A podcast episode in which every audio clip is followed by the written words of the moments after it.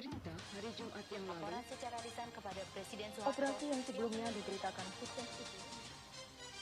Beri Suara FM, Radio Berita, Radio Suara.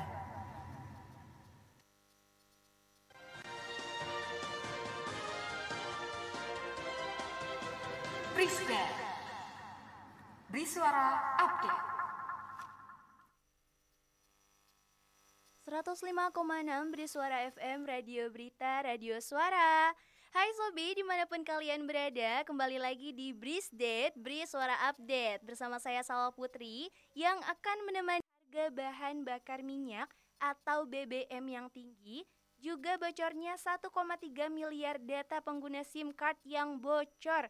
Waduh waduh ngeri banget ya Sobi tapi sebelum itu, biar makin semangat mengawali pagi hari ini, let's go kita denger dulu lagu buka semangat baru dari Elo.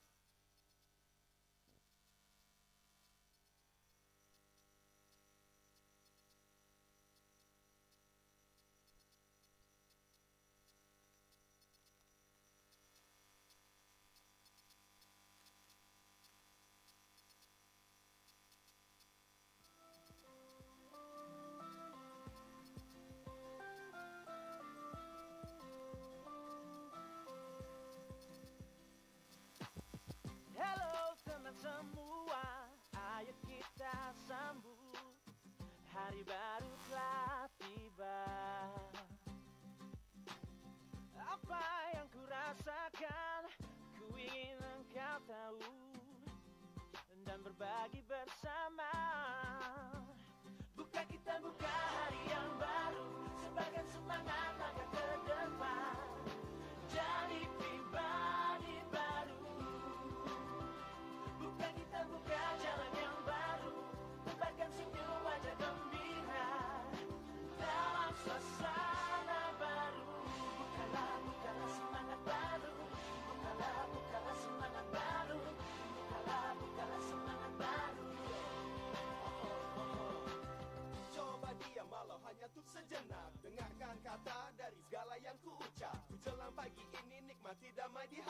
Dalam waktu penuh arti karena aku dicintai. Ku ingat kemarin suasana tak bersemangat Namun kini ku jalani dan semua rasanya tepat Bersama kita coba wujudkan harapan Membuka jalan dalam gapai setiap tujuan.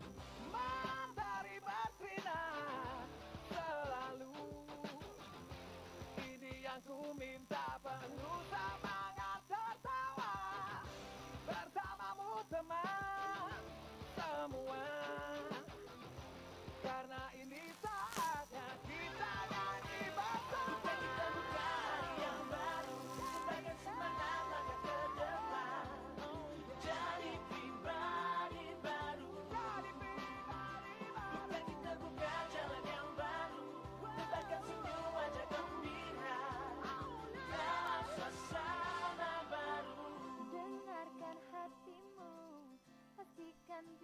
pilihanmu. Esok mentari akan datang, bawa sejuta harapan. Kita jumpa di sana, berbagi bersama, dan kita tahu pelangi yang satukan Buka kita buka hari yang baru Sebagai semangat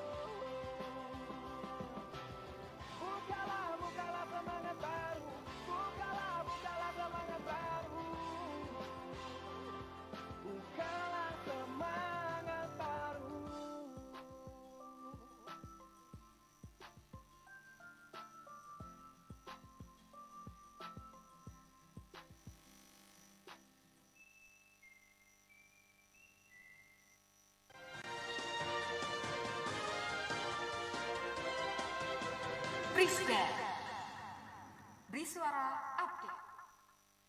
105,6 Beri Suara FM, Radio Berita, Radio Suara. Masih bersama saya, Salwa Putri di sini, yang tadi janjinya mau nemenin kalian alias sobi semua buka semangat pada pagi hari ini dengan berita atau informasi terbaru pastinya. Dan itu tuh hanya di Brisdet, Beri Suara Update. Nah, walaupun mungkin sobi semua sedang dalam perjalanan menuju kantor, sekolah, atau kampus nih, Tetap stay tune dan jangan sampai ketinggalan berita-berita yang masih hangat ya pastinya. Maka dari itu, Beri Suara FM adalah pilihan tepat untuk sobi semua mengetahui berita terupdate pada pagi hari ini. Let's go! Mama, banyak banget nyamuknya. Iya nih, Ma, aku jadi nggak bisa main. Tenang, kita kan punya ahlinya soal nyamuk. Wah, nyamuknya langsung hilang. Iya dong, kan mama pakai One Push Wabe ini. Semprot satu detik, bebas nyamuk 12 jam. One Push Fabe, semprot satu detik, bebas nyamuk 12 jam.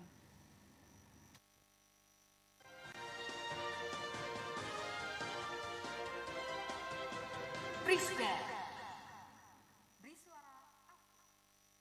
105,6 Beri Suara FM, Radio Berita, Radio Suara.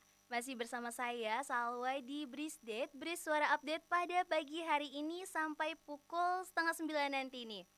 Jadi seperti yang sudah disinggung di awal bahwasannya kita akan membahas berita yang masih hangat nih pada pagi hari ini. Wah, siapa nih sobi semua yang kaget dengar berita atau informasi kalau harga BBM ini naik? Wah, kayaknya semuanya kaget ya sobi. Jadi pada akhirnya Presiden Joko Widodo mengumumkan kenaikan harga bahan bakar minyak atau BBM mulai dari Pertalite, Solar, dan Pertamax. Nah, kenaikan harga BBM tersebut baik yang bersubsidi ataupun non-subsidi mulai berlaku pada hari Sabtu tanggal 3 bulan September kemarin. Beliau pun mengatakan kalau subsidi BBM ini akan dialihkan untuk bantuan yang lebih tepat sasaran. Soalnya nih Sobi, beberapa waktu lalu di akhir Agustus itu sempat terdengar juga berita terkait subsidi BBM yang tidak tepat sasaran. Waduh, kok bisa ya? Jadi sayang gitu kan BBM bersubsidi ini malah dinikmati oleh kalangan yang mampu sekitar 70 sampai 80 persen yang artinya itu tuh banyak banget loh Sobi. Dan dibalik itu memang Jokowi pun mengatakan bahwa sebenarnya beliau ingin harga BBM di dalam negeri ini alias Indonesia tetap terjangkau dengan memberikan subsidi APBN. Namun beliau pun mengatakan kembali bahwa anggaran subsidi BBM ini terus naik nih, ditambah lagi yang belum tepat sasaran itu ya. Jadi beliau bilang dinaikannya harga BBM ini menjadi pilihan terakhir dari pemerintah.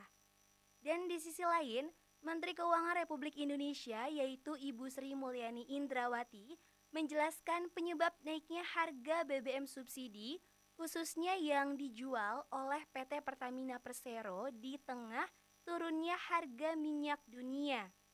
Nah, kenaikan ini ditetapkan karena berdasarkan perhitungan yang telah dilakukan Sekalipun harga minyak mentah dunia mengalami penurunan, besarannya itu tidak akan cukup untuk meredam atas bengkaknya anggaran subsidi dan kompensasi energi. Nah, ada pun nih Sobi, Badan Intelijen Negara atau BIN yang berharap kenaikan harga BBM yang diumumkan oleh pemerintah ini masih terjangkau bagi masyarakat. Sehingga inflasi dan daya beli masyarakat itu tuh tetap dapat terjaga. Wah, gimana nih menurut Sobi semua? Apakah harga BBM yang naik ini masih terjangkau? Wah, naiknya ini lumayan ya Sobi. Oke, lagi-lagi kalau ada satu sektor yang berubah, pasti sektor lain pun akan turut terpengaruh ya Sobi. Dan itu tuh memang benar, naiknya harga BBM ini berimbas juga terhadap naiknya harga di berbagai sektor seperti yang sudah saya bilang tadi. Misal nih, dalam konteks ini, imbasnya adalah kenaikan biaya transportasi, juga harga bahan-bahan logistik yang pastinya turut meningkat. Nah, sementara itu, kenaikan harga BBM juga dapat memicu inflasi yang bahkan akan menurunkan daya beli masyarakat. Karena kan konsumsi masyarakat adalah komponen terbesar dalam pertumbuhan ekonomi Indonesia. Wah, kalau ini udah pasti ya Sobi, karena kan kita juga nih sebagai konsumen ini pasti mikir juga ya, kayak mau beli ini, mau beli itu, tapi aduh makin mahal nih, jadi nggak jadi deh. Oke, di sisi lain tentunya harga BBM ini membuat masyarakat cemas nih. Apalagi kalau bisa kita bilang kalangan bawah atau yang kurang mampu. Karena ya bagaimana tidak untuk mencukupi kebutuhan pangan mereka sehari-hari saja, mereka sudah kebingungan. Apalagi ditambah dengan naiknya harga BBM ini Sobi. Oke, Sobi jika dilihat dari satu sisi, mungkin keputusan pemerintah untuk menaikkan harga BBM ini memang tepat ya. Tapi seharusnya pemerintah juga memperhatikan kondisi masyarakat kecil nih. Mestinya pemerintah ini lebih bersikap realistis dan prihatin terhadap kondisi warganya. Dan pemerintah pun seharusnya bisa mengambil sikap yang lebih tepat dan mempertimbangkan banyak hal ya agar masyarakat kecil ini tidak semakin tertindas dan mendapatkan keadilan yang sama. Wah, kalau berkaitan dengan kenaikan BBM, semua pihak ini jadi memanas ya Sobi. Panas nih, karena harga bahan atau barang yang lain pun pastinya akan ikut naik. Nah, tapi Sobi semua tenang aja alias nggak perlu khawatir karena ada beberapa tips untuk menyikapi hal tersebut dengan bijak. Nah, yang pertama, Sobi semua bisa nih melatih diri untuk membiasakan budaya hemat – Yuk, yuk, yuk, kita hemat yuk. Nah, yang kedua, Sobi dapat memaksimalkan jumlah penumpang dalam satu kendaraan. Jadi, bagi yang memiliki kendaraan bisa buat janjian untuk pergi secara bersama-sama. Semisal nih, si A punya mobil, terus janjian sama si B di sebelah sini, janjian sama si C di sebelah sini, supaya semuanya itu makin hemat pastinya. Lanjut Sobi, yang ketiga itu menggunakan transportasi non BBM, misalnya dengan bersepeda atau berjalan kaki. Wah, kalau poin ketiga ini sih double-double nih manfaatnya. Selain menghemat pengeluaran, juga membuat tubuh kita semakin sehat. Wah, tapi kalau mager gimana? Ya jangan mager ya Sobi, demi menghemat dan isi dompet tetap aman nih pastinya. Oke, yang terakhir, usahakan Sobi mengurangi kegiatan di luar rumah untuk urusan yang tidak penting. Jadi perbanyaklah waktu dengan keluarga ya Sobi Karena semakin sering pergi keluar menggunakan kendaraan Tentu budget yang dibutuhkan pun akan semakin besar ya Oke, jadi gimana nih Sobi? Mendengar berita dari kenaikan BBM ini Kita sebagai masyarakat umum berharap ya agar harga BBM ini kembali ke harga normal. Oke, okay, by the way, untuk Sobi bisa nih mengajukan pendapatnya mengenai berita kita pada hari ini melalui Instagram kita di @briswara_fm dan kita akan berdiskusi bersama juga mengulik lebih dalam lagi tentang berita kita pada hari ini. Maka dari itu, stay tune terus ya karena Brisdate akan balik lagi pastinya. Tapi Sobi, sebelum kita break nanti, kira-kira Sobi semua udah pada sarapan belum nih? Soalnya kan sarapan itu wajib ya supaya kita itu bertenaga alias enggak 5L. Lemah, letih, lesu, lelah, dan lunglai. Cila. Eh tapi tapi aku nggak sempet sarapan nih, gimana dong? Waduh, tenang aja nih Sobi, nggak perlu khawatir karena sekarang ini sarapan nggak perlu lama dan nggak pakai ribet. Soalnya udah ada produk endogen. Nah, produk endogen ini adalah produk minuman sereal dan berhasiat juga pastinya mengenyangkan ya Sobi.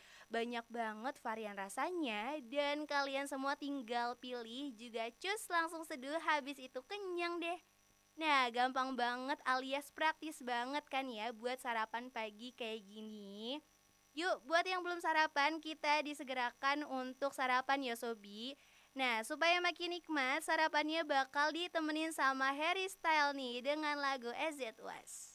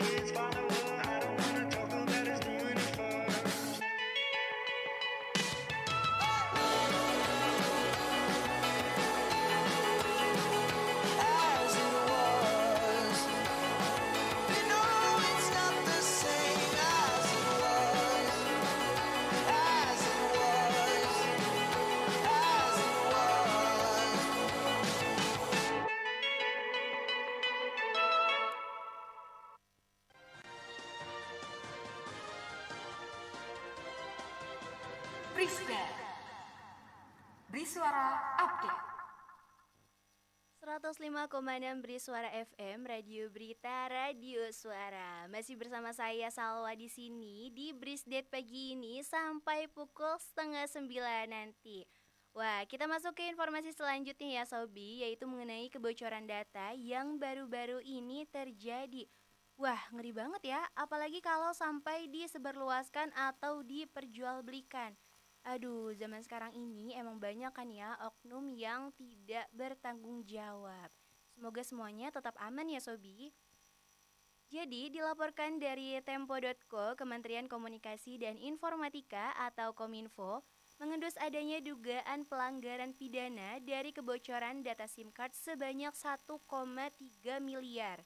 Nah, kementerian ini pun telah menggandeng Direktorat Pidana Siber Bareskrim Polri untuk menindaklanjuti kebocoran data ini. Direktur Jenderal Aplikasi Informatika Kementerian Kominfo Samuel Abrijani Pangerapan mengatakan sesuai dengan Undang-Undang Nomor 11 Tahun 2008 tentang Informasi dan Transaksi Elektronik, para pengendali data itu yakni operator seluler harus menjaga kerahasiaan data penggunanya. Dari hasil pertemuan antara Kominfo dengan operator seluler seperti Telkomsel, XL, Indosat, Smartfren, dan Tri, itu belum bisa mengidentifikasi pemilik data yang bocor tersebut. Nah, pihak operator itu masih dibantu oleh BSSN dan Direktorat Jenderal Dukcapil untuk mencocokkan data yang mereka miliki dengan data SIM card yang bocor tersebut. Nah, kabarnya nih Sobi, Indonesia saat ini sedang marak-maraknya diserang dari sisi siber nih. Maka, persoalan kebocoran data ini harus ditindak ya selain dari sanksi administratif juga sanksi pidana. Nah, sebelumnya kabar kebocoran data pribadi itu diduga telah diperjualbelikan di salah satu situs hacker nih dan data tersebut merupakan hasil registrasi ulang SIM card yang diunggah oleh sebuah akun bernama Bjorka di forum bridge.to. Nah, Bjorka ini mengklaim bahwa ia memiliki 1,3 miliar lebih data registrasi kartu SIM atau sebanyak 87 GB yang berisi nomor induk kependudukan atau NIK nomor telepon, operator seluler yang digunakan, dan tanggal penggunaannya. Akun itu juga mengaku telah membagikan 2 juta data sampel yang telah dikumpulkan dari tahun 2017 hingga 2020. Wah, udah lama juga ya berarti. Dan ia menampilkan sampel data tersebut juga diketahui terdapat sejumlah nama operator telekomunikasi, di antaranya adalah Telkomsel, Indosat, 3XL, dan Smartfren. Vaksinko mencoba meneliti keabsahan data dari sampel yang diberikan dan diketahui data tersebut didapatkan pada Agustus 2022. Menurut Alphonse, dari nomor NIK yang diberikan sebagai sampel, semua nomor yang dicek secara random itu 100% merupakan NIK yang otentik. Data nomor telepon yang terkait dengan NIK tersebut juga aktif dan memang digunakan oleh pemilik NIK yang bersangkutan. Ia memberikan contoh tangkapan layar pihaknya mencoba mengajak berkomunikasi pemilik data yang bocor dan itu tuh dibalas nih Sobi. Tanpa menyebut nama, Kementerian Kominfo Alphonse menyayangkan adanya penyangkalan dari institusi tersebut yang dinilainya bisa menjawab sebab kebocoran itu sampai terjadi. Dia menyebutkan jelas-jelas institusi yang bersangkutan yang mengeluarkan peraturan bahwa setiap pengguna kartu SIM itu wajib memberikan informasi kependudukan sebagai syarat menggunakan kartu SIM dan menjamin data yang diberikan itu akan aman. Nah, sejauh ini sebelum kehadiran RUU PDP tercatat sejumlah kasus kebocoran data sudah dikenakan sanksi namun belum sampai ke tahap denda. Beberapa kasus juga dihukum secara pidana namun bukan kasus-kasus yang besar. Nah, menurut Sobi bagaimana nih dengan kasus ini? Kalau kita lihat bersama, Indonesia itu sedang melakukan transformasi digital. Kalau kita bicara ruang digital itu pasti ada yang namanya bolong-bolongnya di dunia ini. Makanya harus ada regulasinya atau ada juga keamanan cyber yang dibentuk oleh para penyelenggaraannya nih. Ada sanksi administratif dan sanksi pidananya juga bagi para pelaku kejahatan. Nah, maraknya kasus kebocoran data akhir-akhir ini Sobi, rancangan Undang-Undang Perlindungan Data Pribadi sangat penting untuk mencegah dan menghindari kasus serupa terulang lagi. Dan saat ini RUU PDP masih dalam pembahasan antara pemerintah juga DPR. Namun demikian, pemerintah menargetkan RUU ini bisa selesai dan disahkan pada tahun ini. Apalagi kendala yang menjadi alasan berlarut-larutnya pembahasan RUU ini, yakni terkait kelembagaan disebut telah menemui kata sepakat. Nah, hari ini juga Komisi 1 DPR dan tim panja pemerintah melakukan rapat pembahasan RUU PDP dengan agenda laporan Timus dan Tim Sin kepada panja. Nah, kita sebagai masyarakat hanya bisa berharap semoga segera selesai Targetnya sampai masa sidang dari sekarang semoga bisa selesai tahun ini dan harus ada regulasi yang lebih mumpuni ya. Adanya rentetan kasus kebocoran data ini menjadi pengingat mendesaknya kebutuhan undang-undang perlindungan data pribadi yang belum ada di Indonesia. Seperti di Uni Eropa misalnya nih, ancaman denda bisa mencapai 20 juta euro untuk setiap kasus penyalahgunaan dan kebocoran data pribadi masyarakat. Adanya kebocoran data yang terus berulang ini akan merugikan masyarakat dan Indonesia nih pastinya. Nah, Sobi, itu tadi penjelasan mengenai kasus kebocoran data yang sedang marak terjadi akhir-akhir ini. Dan benar ya, ini tuh bukan kasus yang ringan karena kebocoran data ini tuh bisa berdampak besar bagi masyarakat dan negara kita nih. So, kita harus tetap pantau dan kawal kasus ini sampai semuanya membaik. Oke, untuk sobi di mana pun kalian berada, tetap berhati-hati, jangan lengah dengan kasus apa pun. Untuk sobi semuanya dapat salam nih dari Tulus, katanya hati-hati di jalan ya.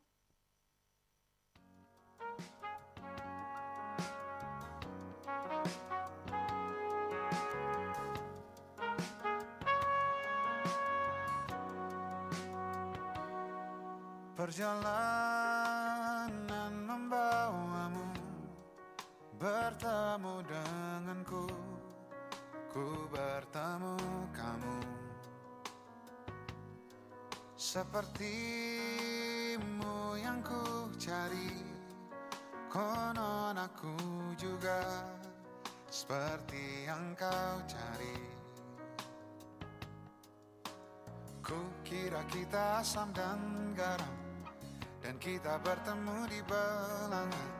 Kisah yang ternyata tak seindah itu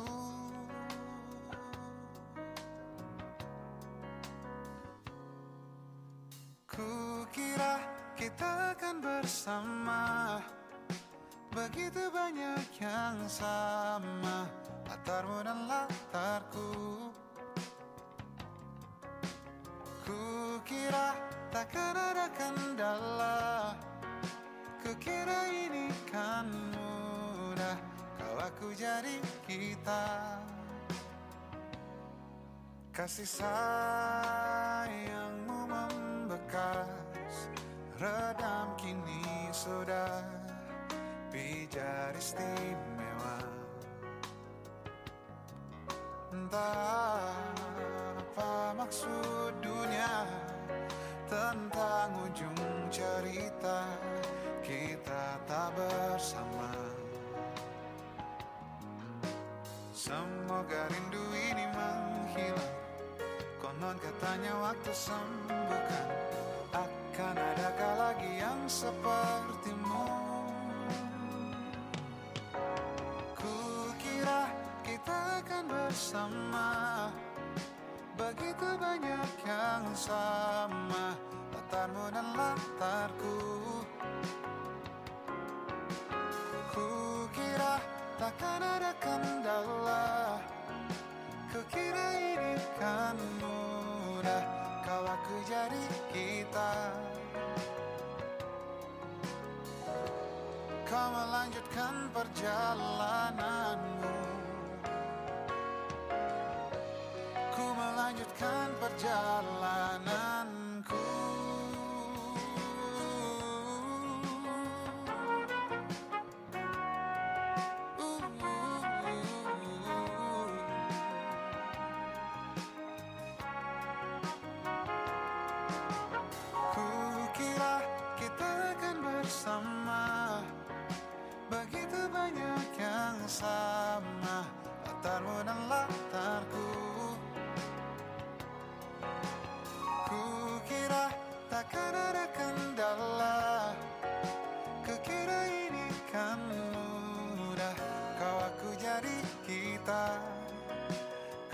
kita akan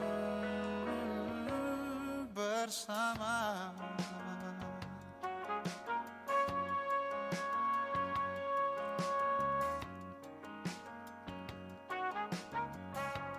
Hati-hati di jalan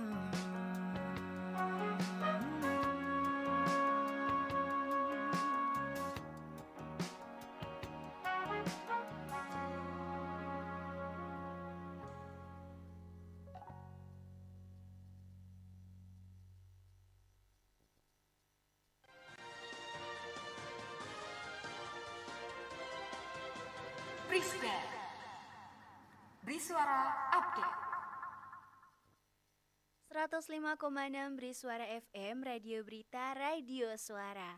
Nah, tak terasa sudah 30 menit saya Salwa menemani para sobi semua nih. Waktunya Brisdet juga saya pamit undur diri nih sobi. Tapi sebelum itu kita bahas ulang dulu nih, apa saja sih yang telah kita bicarakan pada pagi hari ini? Nah, tadi kita sudah membahas updatean tentang naiknya harga BBM yang mana mulai naik dari tanggal 4 September kemarin dan naiknya harga BBM ini sangat meresahkan perekonomian masyarakat ya pastinya.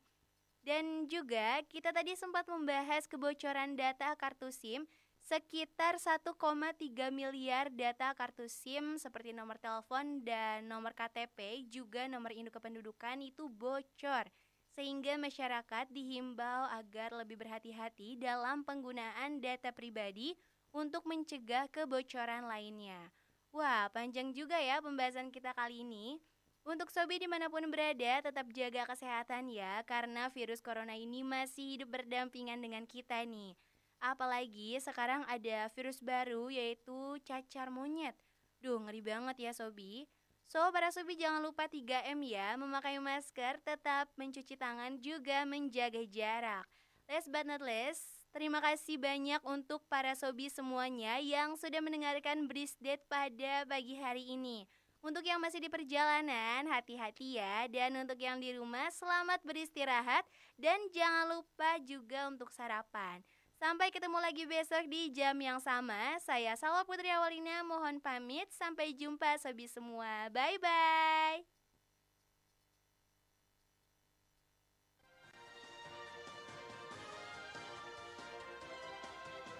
Prisda Briswara Update Pemerintah hari Jumat yang lalu secara lisan kepada Presiden Soeharto. Operasi yang sebelumnya diberitakan sukses itu. Briswara FM Radio Berita Radio Suara